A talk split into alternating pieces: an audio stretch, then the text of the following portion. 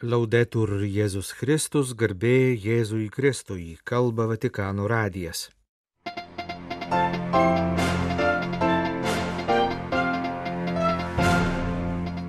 Popiežiaus audiencijos penktadienio rytą Pranciškus susitiko su Italijos aviakompanijos, kurios lėktuvai skrenda į apaštališkasias keliones vadovais, taip pat su viskupijų brolių oblatų kongregacijos nariais. Prieš Velykas Disney Plus vaizdo transliavimo platforma paskelbė pernai įrašytą popiežiaus pokalbį su keletu jaunuolių. Įsteigta observatorija Marijos apsireiškimams tirti. Kongo Demokratinėje Respublikoje vyks Eucharistinis kongresas, Nikaragvoje persekiojami katalikų vienuoliai. Popiežius Pranciškus penktadienio audiencijoje priėmė viskupijų brolius oblatus, su kuriais pabendravo betarpiškai, parengtos kalbos nepasakė, o įteikė tekstą. Raštu įteiktoje kalboje popiežius kvietė savo tarnystę priimti kaip dovaną ir džiaugsmą. Tai yra tarnystė vykdoma nerampos šviesoje, visų matoma ir giriama, o paslėpta nuolanki kartais net ir žeminanti, sakoma popiežiaus kalbos tekste. Kai mergelė Marija skubiai išėjo padėti savo giminaitėjai Elsbietai, ten nebuvo jos laukiančių fotografų, žurnalistų. Niekas nežinojo apie apsilankymą. Būtent čia glūdi džiaugsmo dingstis, kad apie tai žino vien tik tai viešpats. Tai tarnystės palaiminimas pažymėjo popiežius. Brolybė, oblatija, savęs dovanojimas tarnystėje ir vyskupiškumas - tai graži gyvenimo programa, patikino popiežius vyskupijų brolius oblatus. Jis pasidžiaugė galys asmeniškai susitikti su pašvestaisiais broliais, pažymėdamas, kad jų buvimo bažnyčioje liudijimas yra vertas naujo dėmesio, yra vertas būti iš naujo atrastas. Jūs esate nedidelis, bet svarbus ir, sakyčiau, nepamainomas ženklas bažnyčios pašaukimų mozaikoje. Visų pirma, esate konkretaus gyvenimo būdo, brolybės pagal Evangeliją ženklas, nes taip priminate Jėzų, kuris gyveno šiuo matmeniu - būti broliu kiekvienam žmogui, visuotiniu broliu. Taip pat esate savęs dovanojimo tarnaujant oblatijos ženklas. Kalkutos motinos šventosios Teresės žodžiais tai yra džiaugsmas tarnauti. Paslėpta, nuolanki, net žeminanti tarnystė yra kelias, kuriuo turi eiti kiekvienas krikščionis. Tačiau jums oblatija yra charizma, priminė viskupijų oblatams popiežius. Anot jo šitaip gyvenantiems šventoji dvasia dovanoja vidinį džiaugsmą.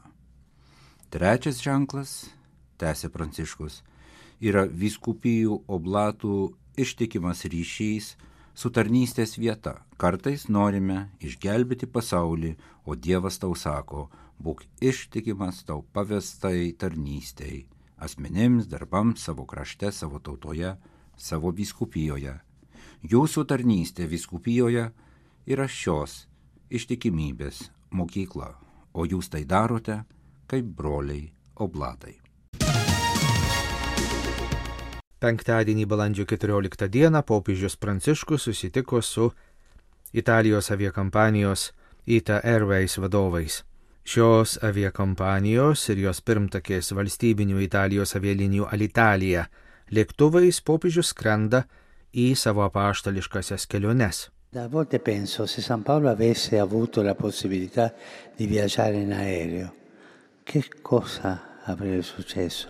Kartais pagalvoju, sakė Pranciškus, kad jei šventasis Paulius būtų galėjęs keliauti lėktuvu, kas būtų nutikę?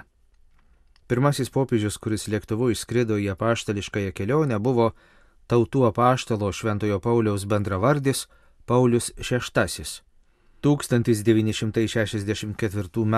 sausio 4 d. Šventasis Paulius VI įlipo į Alitaliją lėktuvą. Jis keliavo į Šventąją Žemę ir tai buvo pirmoji popiežiaus tarptautinė kelionė naujaisiais laikais.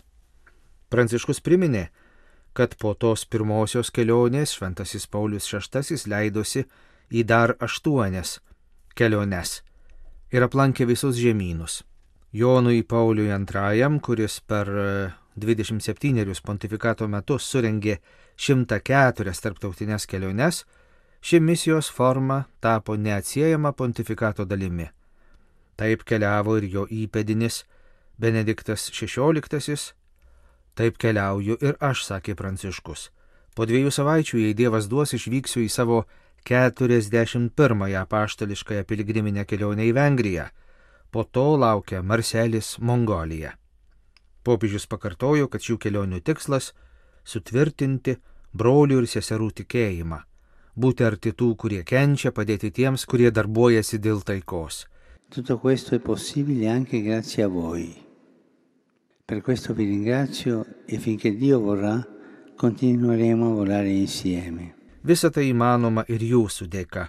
Už tai jums dėkoju ir, kol Dievas norės, mes ir toliau skraidysime kartu, sakė Pranciškus.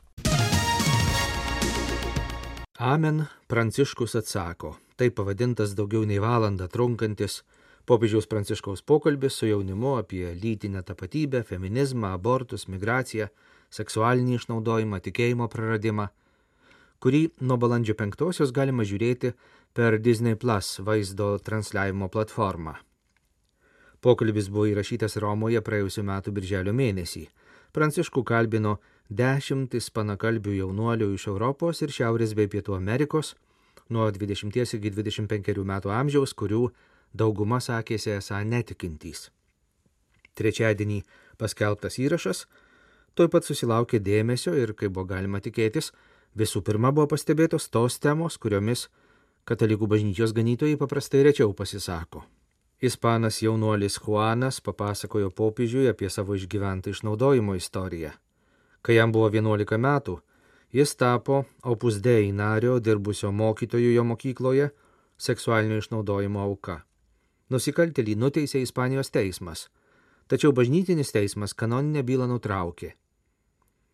Per pokalbį jaunuolis parodė paties popiežiaus laišką, rašyta jaunuolio tėvui su patikinimu, kad bylą nagrinės tikėjimo mokymo kongregacijos teismas. Tačiau vėliau gautas kongregacijos pranešimas, kad nėra pagrindo bylai kelti. Pranciškus išklausęs jaunuolio pasakojimą pažadėjo, kad byla bus peržiūrėta. Selija popiežiui prisistatė kaip nebinarinės lytinės tapatybės asmuo. Kiekvienas žmogus yra Dievo vaikas atsakė Pranciškus. Dievas net meta ne vieno, Dievas yra tėvas. Ir niekas neturi teisės ne vieno išmesti iš bažnyčios. Maža to, pareiga visada yra priimti. Bažnyčia negali niekam uždaryti durų, niekam. Popiežius sakė gerai žinas, kad yra tokių, kurie, remdamiesi Bibliją, skatina neapykantos kalbą ir pateisina LGBT asmenų išstumimą iš bažnytinės bendruomenės. Kas tai daro, sakė Pranciškus, elgesi kaip bažnyčioje infiltruoti svetimi agentai, kurie naudojasi bažnyčia savo asmeniniams reikalams, savo asmeniniam ribotumui pateisinti. Tai viena iš bažnyčioje esančių sugėdimo formų. Popiežius dar kartą pabrėžė krikščionių liūdėjimo svarbą. Bažnyčia turi būti atvira visiems ir tai turi ne tik skelbti, bet rodyti nuolatos duodamų pavyzdžių. Kai nėra liudėjimo, bažnyčia oksiduojasi rūdyje, virsta gerų žmonių klubu, kurie atlieka religinius gestus, bet neturi drąsos išeiti į egzistencinės periferijas. Tai yra esminis dalykas. Kas iš šio laikinį pasaulį žvelgia tik iš bažnyčios vidaus, net to nenorėdamas stato apsauginius barjerus kurie atitolina nuo tikrovės. Jūs klausotės Vatikano radio tęsinę programą. Popiežiškojoje tarptautinėje Mergelės Marijos akademijoje įsteigta observatorija Marijos apsireiškimams ir su Dievo motina susijusioms mistinėms apraiškoms tirti. Observatorijos tikslas analizuoti ir išaiškinti visokių rūšių apsireiškimus, įskaitant pasirodymus, ašarojimus, vidinius šauksmus, stigmas ir kitokias mistinės apraiškas įvykstančias dabar ar įvykusias praeityje, dėl kurių autentiškumo lygi šiol nepasisakė atitinkamos bažnytinės institucijos. Observatorijoje veiks du skyriai - administracinis ir mokslinis. Ateityje bus teigiami nacionaliniai skyriai. Pirmas observatorijos posėdis įvyks jau balandžio 15 dieną popiežiškosios tarptautinės mergelės Marijos akademijos būstinėje, popiežiškajame Antonianum universitete Romoje. Popiežiškoji tarptautinė mergelės Marijos akademija yra šventojo sosto institucija, kuriai pavesta plėsti autentišką marijinį dvasingumą per mariologijos mokslų plėtrą, ypač per periodiškai rengimus tarptautinius kongresus. Akademijai kaip tarptautiniai institucijai pavesta koordinuoti mariologijos studijas visame pasaulyje, taip pat skatinti tarpkultūrinį, ekumeninį ir tarp religinį dialogą. Birželio 4-11 dienomis Lubumbašyje, Kongo Demokratinėje Respublikoje įvyks bažnyčios Konge nacionalinis Eucharistinis kongresas. Iškilmėms vadovaus popiežiaus nepaprastas pasiuntinys. Popiežius Pranciškus savo nepaprastų pasiuntinių į Kongo nacionalinį Eucharistinį kongresą Lubumbašyje paskyrė kardinolą Luisą Antonijo Taglę Šventojo sosto evangelizavimo dikasterijos pro prefektą. Visoje Kongo demokratinėje respublikoje gyvena 50 milijonų katalikų, tai yra maždaug pusė kraštų gyventojų. Lubumbašio arkiviskupijoje gyvena beveik 2 milijonai katalikų. Lubumbašio miestas yra toliausiai pietryčius esančios Kongo provincijos aukštutinės Katangos centras, esantis prie pat Zambijos sienos. Arkiviskupija apima kai kurias šios ir kaimininės pietinės Lualabos provincijos teritorijas. Lubumbašio arkiviskupijos katedra yra dedikuota apaštalams Petrui ir Pauliui. Mieste yra ir pagrindinė arkiviskupijos švenčiausiosios mergelės Marijos šventovė.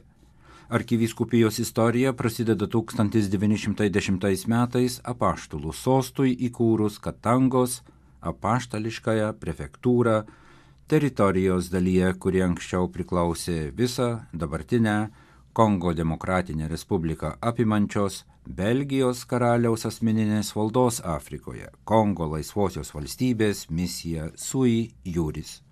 Dabartiniai Lubumbašio arkivyskupijos metropolijai priklauso septynios sufraganinės vyskupijos trečiąjį Kongo Demokratinės Respublikos Eucharistinį kongresą planuota surenkti 2020 m. birželio mėnesį. Tačiau dėl koronaviruso pandemijos jis buvo du kartus atidėtas. Vyskupų konferencijos pirmininkas arkivyskupas Marcelis Utembi Eucharistinio kongreso svarbą susijęjo su Kongo Demokratinės Respublikos visuomeniai iškylančiais įvairiais iššūkiais, įskaitant pagonybę, su dėl jos plintančiomis sektomis ir ezoteriniais sąjūdžiais, taip pat šeimos institucijos krize. Per nacionalinį Eucharistinį kongresą kongiečiai katalikai raginami iš naujo atrasti Eucharistijos svarbą žmonijos, šeimos, visuomenės ir bažnyčios plėtrai.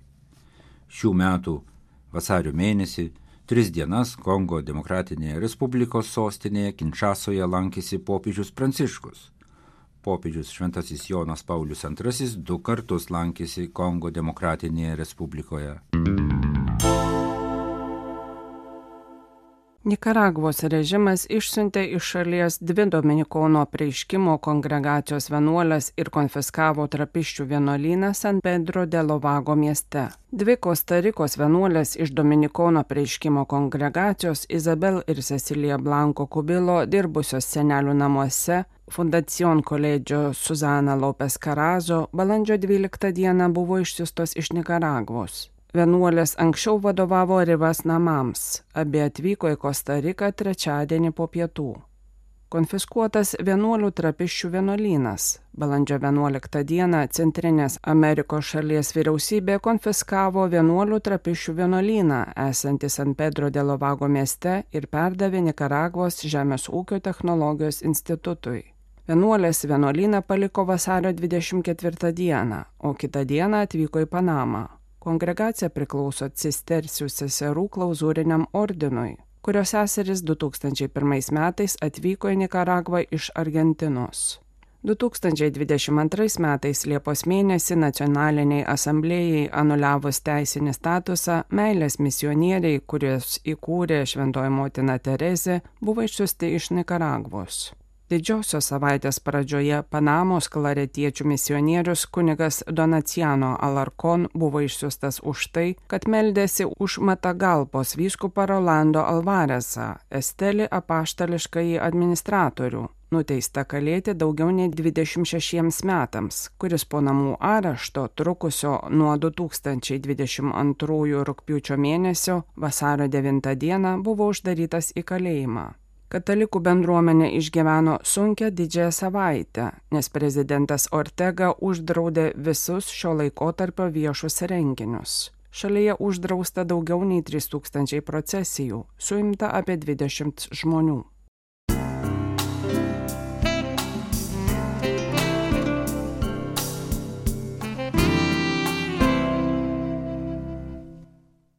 Šeštadienį po pietų Romos didžiojoje švenčiausiosios mergelės Marijos bazilikoje bus suteikti vyskupo šventimai neseniai arkivyskupų paskirtam lietuviui kunigui Rolandui Makritskui, šventojo sosto diplomatui, šiuo metu einančiam didžiosios švenčiausiosios mergelės Marijos bazilikos nepaprastojo komisaro pareigas. Mūsų interneto svetainėje galite žiūrėti tiesioginę konsekracijos mišių transliaciją.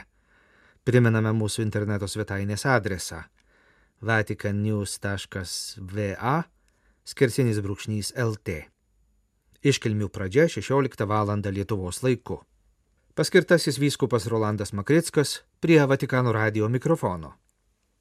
Esame Velykų laikotarpyje, džiaugiuosi, kad ir šventimai, kurie vyks šį šeštadienį, kada bažnyčia švenčia gailestingumo Dievo galestingumo sekmadienį. Tai primena mums apie Kristaus prisikėlimą ir apie gyvenimo džiaugsmą, su kuriuo kiekvienas krikščionis turi gyventi ir liūdyti prisikėlusi Kristų. Noriu palinkėti visiems klausytojams Vatikano radio, kad e, ta gyva viltis ir džiaugsmas Velykų Kristaus prisikėlimas visada būtų gyvas mūsų širdise ir kad liūdytumėm prisikėlusi gyvą Kristų nes liūdni krikščionys, pesimistai krikščionys e, nėra prisikėlusio Kristaus liudytojai. Tegul jūs visus laimina visagalis Dievas, Tėvas ir Sūnus ir Šventoji Dvasia, tegul lydi prisikėlusio Kristaus malonė ir ramybė ir kad e, kuo greičiau ateitų daugiau taikos pasaulyje ir kad Salius Populi Romanė e, Marija visus globotų ir vestų prie Kristaus, kuris yra mūsų kelias, tiesa ir gyvenimas.